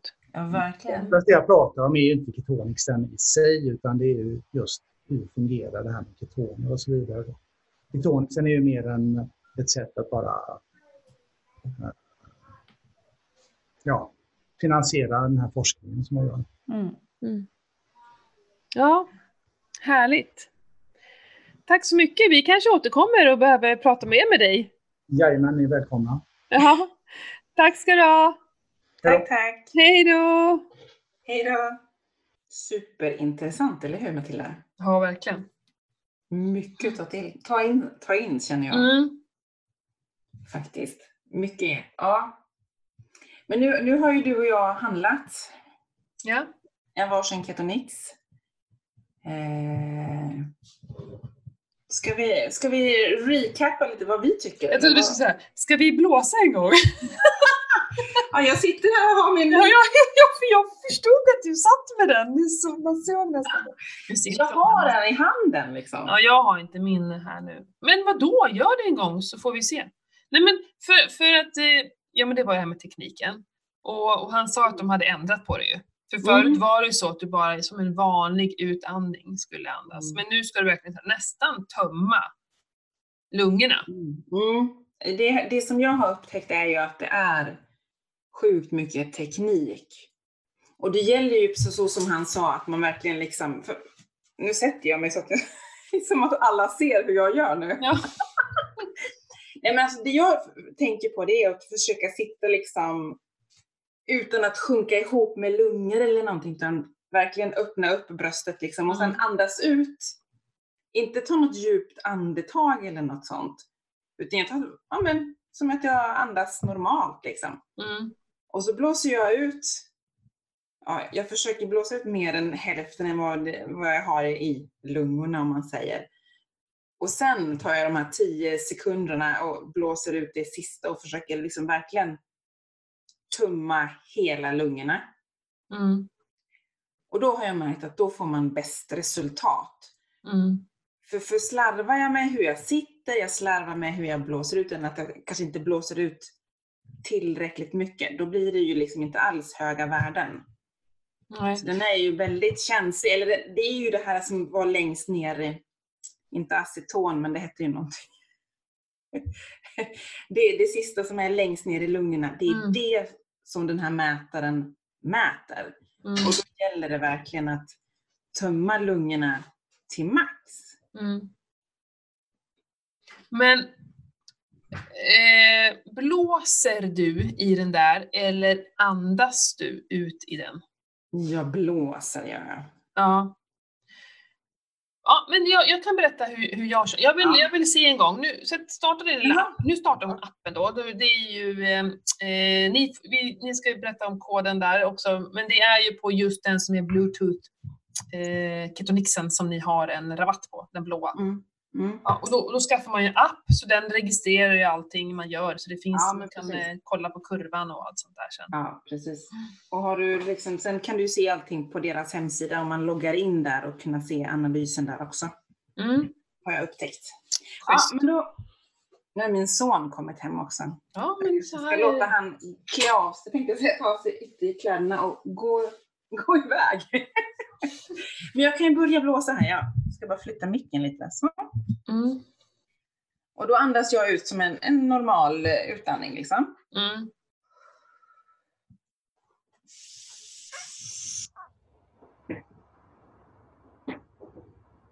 Nu blåser hon så himla högt så att vi hör ingenting här. Så, nu har jag blåst. Och då kommer jag upp till eh, 24. Mm. Och då åt jag ju liksom för eh, ja, tre och en halv timme sedan ungefär. Ska vi se in på analysen. För jag ska det- säga, jag kan inte sitta ner och göra det. Nej. Jag märkte att jag måste stå upp så att jag verkligen så här, ja men som du säger, det är väl för att öppna upp också. Sådär. Mm. Eh, och sen så märker jag att nej men alltså jag måste nästan ta ett vanligt andetag, andas ut och sen andas ut ännu mer. Och Mm. sen ta tag i den där och andas, för jag har jättemycket luft i mina lungor. Vet du, jag tror att när jag andas här vanligt, då använder jag kanske, det, alltså nu, nu spekulerar jag, men jag tror att det är, så här, det är två tredjedelar kvar av min luft när jag tar Ja. ett nytt andetag.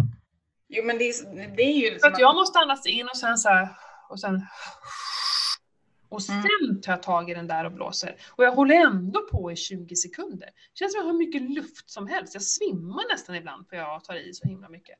Men du tog ju verkligen i när du blåste. Jo men Jag liksom, har man inte tagit i sådär mycket. Så det ska ja, men jag, testa. det, det ska jag, nu ska jag prova det. För jag, Ja. hin, jag känner så här, jag hinner inte få ut all luft förrän min hjärna skriker efter ny luft. Förstår du hur jag menar? Jag är Mm. liksom så här, den måste få ny luft och det har tagit så lång tid att få ut den här luften. Ja, så att nu, okej, jag ska blåsa hårdare. Mm. Så kanske jag verkligen så- hinner få ut luften på 10 Ja men precis, så, så att du liksom verkligen trycker ihop lungorna Ja. så att det sista verkligen Mm. kommer ut. Jo, men det lyckas jag göra, men det, Ja. det tar så lång tid så att jag, eh, ja, nästan svimmar. Okej, Mm. jag ska köra lite hårdare blås, tror jag. Mm. Mm. Ehm, och det är coolt. Ja, för jag te- testade nämligen på den här andra utandningsmätaren jag har som är från USA. Och där eh, när jag bara gjorde på samma sätt, att jag liksom blåste ut lite, stoppade, tog inget nytt andetag utan blåste vidare, så fick jag ju också mycket högre resultat på den också. Ja. För det sitter ju i den, i luften som är kvar. Den i nedersta luften. Ja, precis det här sista. Och, det, och jag tror att det är därför folk tycker att det är lite svårt att, man får inte höga värden. För, ju- Nej. men antagligen är det bara för att man inte tömmer lungorna på rätt sätt. Liksom. Det är det jag tror. Du måste tömma lungorna. Och han sa ju det också, att det ska liksom, man ska inte blåsa mer än 20 sekunder. Mm, precis. Ehm, utan ska... Det är ju ett sånt här otroligt li- litet hål som luften ändå ska pressas ut ur. Så att jag förstår att du blir svimfärdig om du liksom har för, blåser för tidigt kan man väl säga. ja, det är ju jag ändå- står ju ändå blåser ut. Ja, skitsamma. Ja, det, är, det är som sagt, jag har ju bara hållit på några dagar. Jag kämpar på, det är lite roligt. Men jag är ju ändå liksom eh, uppe i någorlunda siffror. Det är ju bara att man vill väl över 30 va? Som är Ja. optimal ketos. Det är väl det. Mm. Och det, jag fick ju svar på min fråga varför man eh, då när jag drack vin, när jag höll på med den där och aldrig fick ett värde så drack jag vin och fick jättehögt värde.